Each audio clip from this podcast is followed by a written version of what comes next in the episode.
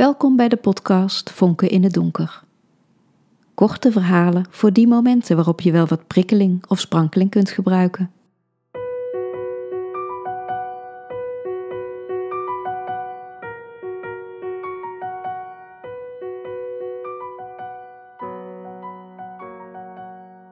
Deuropening. Auw, kut. Waarom gaat die deur niet open? Ik probeer het nog een keer. Duw met mijn hand de klink naar beneden en probeer de deur open te krijgen. Ik kijk ervoor uit om deze keer niet weer met volle kracht met mijn lichaam tegen mijn onderarm te beuken. De deur gaat niet open. Wat is dit? Even overweeg ik terug te gaan naar bed om daar de rest van de nacht slapeloos door te brengen. Maar mijn frustratie wakkert onverzettelijkheid aan. Ik laat me toch niet tegenhouden door een deur die ik tot nu toe altijd moeiteloos heb geopend? Weer zet ik kracht. En weer gaat de deur niet open. Ik moet huilen. Ik wil huilen. Ik huil niet, zelfs geen aanzet tot tranen. De woede polt op in mijn borstkas. Ik zet een stap achteruit, toch maar de beuk erin. Maar voordat ik me opnieuw bezeer, kijk ik nog eens goed naar de deur. Ik geloof mijn ogen niet. De draairichting is veranderd. Dat kan toch niet? Ik duw de klink naar beneden, trek eraan en de deur gaat in één soepele beweging open. Ik sluit hem weer en ga hoofdschuddend op de bank zitten. Het bloed gonst nog na in mijn slapen, maar verstomt wonderlijk snel en mijn gedachten lossen op. Ik ga even liggen.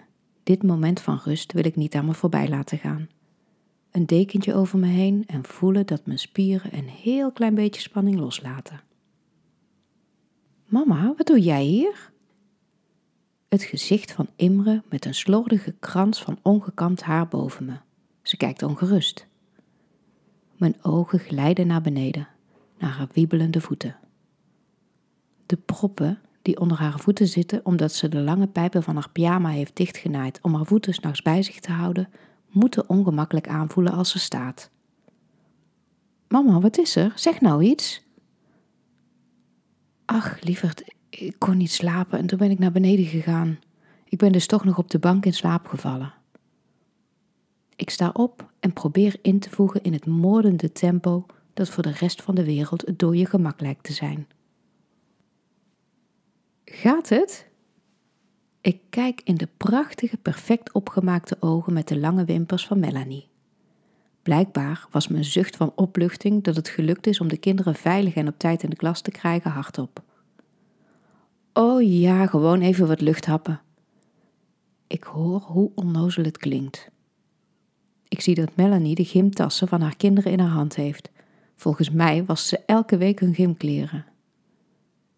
Voordat ze iets mee levens of opbeurends kan zeggen, zeg ik fijne dag en stap zo snel als mijn houterige motorieke toelaat op mijn fiets. Thuis ruim ik in het aangeleerde tempo de ontbijtspullen op, verzamel de was en zet de wasmachine aan. Zo, nu mag ik even rusten. Ik ga op de bank zitten. Mijn lichaam blijft in opperste staat van paraatheid.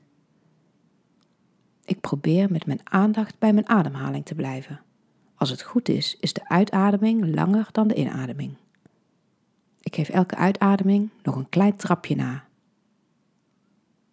Het is de bedoeling om je ademhaling niet te sturen, maar alleen te volgen, dat weet ik. Maar hoe doe je dat?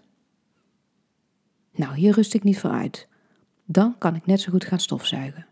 Nee, Sheila, de shrink, heeft gezegd dat ik niet de hele tijd bezig moet zijn met dingen die moeten, maar veel meer met dingen die mogen. Eigenlijk heet ze Pauline, maar Sheila de Shrink klinkt een stuk swingender dan Pauline de psychiater. Een wandeling dan maar. Dat schijnt ook ontspannend en gezond te zijn. Sinds wanneer gaat de voordeur naar buiten toe open?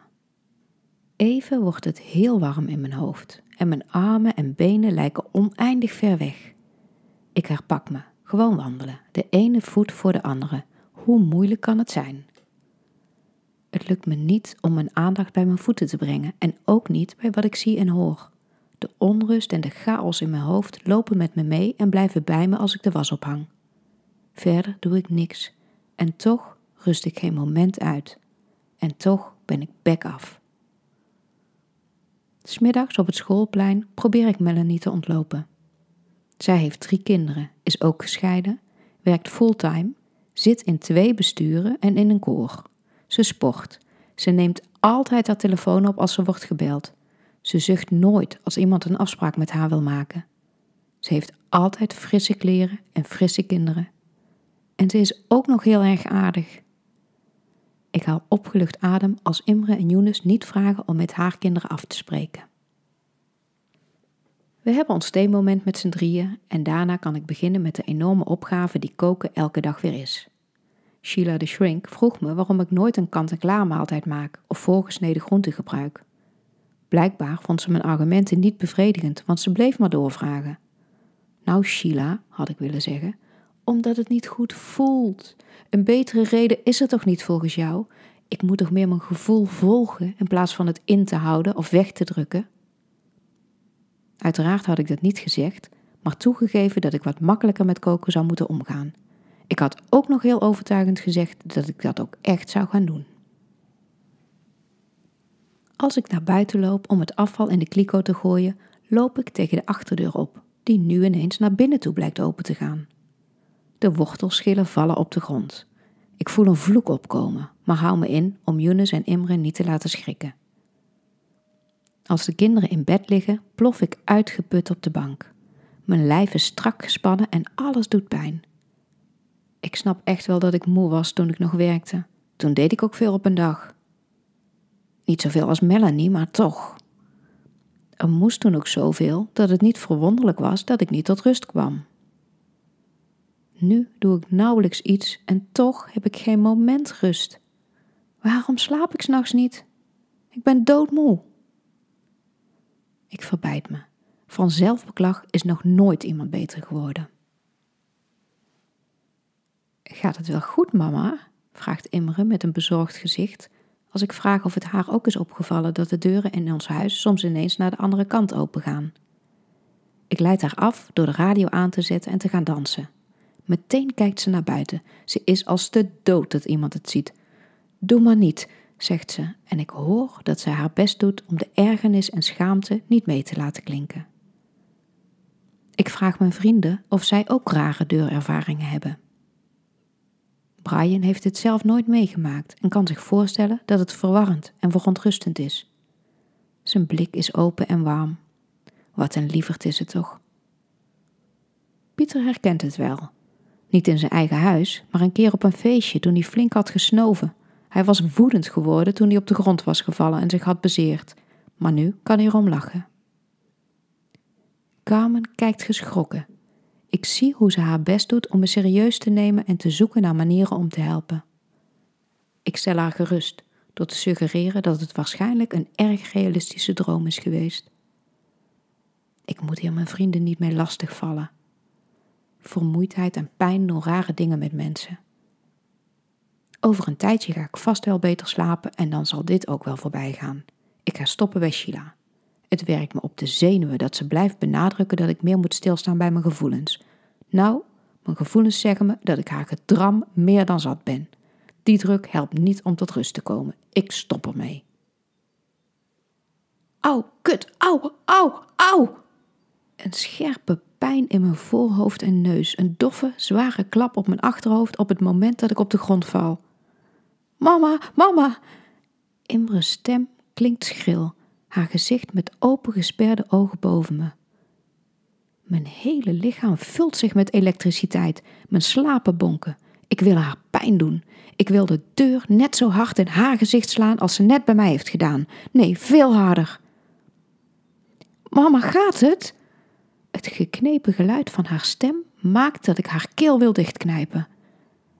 Met moeite en ruisende oren sta ik op. Mama, gaat het? Ik moet zorgen dat ik hier wegkom voordat ik dingen doe of zeg waar ik spijt van krijg.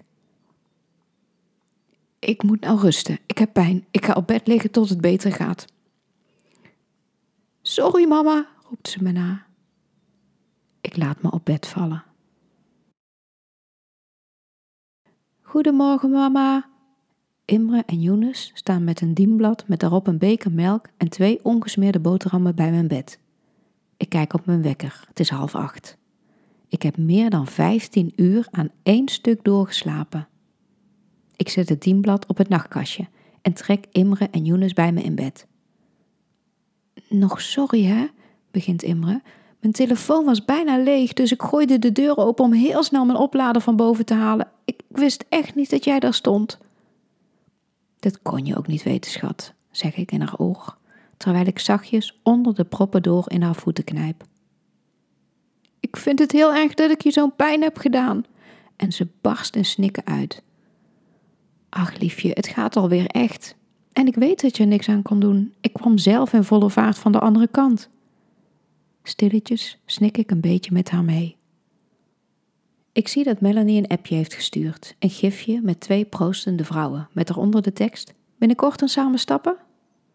Met haar inlevingsvermogen zou ze toch moeten weten dat geen enkele zichzelf respecterende vrouw op stap wil met iemand die zo betoverend mooi, lief, slim en gevat is als zij. Goed plan, heb ik terug. Als ik de kinderen naar school heb gebracht, bedenk ik waar ik mee ga beginnen. Stofzuigen, de belastingaangifte, mijn mail beantwoorden, dweilen. Alle dingen die moeten gebeuren zijn door elkaar krijzende kinderen die schreeuwen om aandacht. Ik, ik, ik! Ik sla mijn handen voor mijn oren en brul het uit. Ik kan niet meer. De huilbui voelt als een dijkdoorbraak waarin ik me laat meevoeren, tot er alleen schokkerige snikjes overblijven. Ik voel aan mijn achterhoofd, een korstje in mijn haar. Zometeen maar even douchen. Ik loop naar de gang en zie de bloedvlek op de grond. Ik loop terug naar de kamer. De deur gaat echt naar binnen toe open maar het bloed ligt aan de buitenkant, op de vloer van de gang. Ik doe de deur weer dicht en stap over de bloedvlek heen. Eerst maar douchen, dan dweilen en dan Sheila bellen voor een nieuwe afspraak.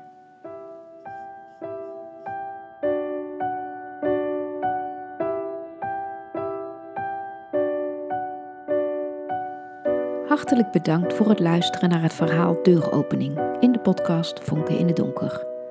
De volgende aflevering is het verhaal Ingevallen Billen. Graag tot dan!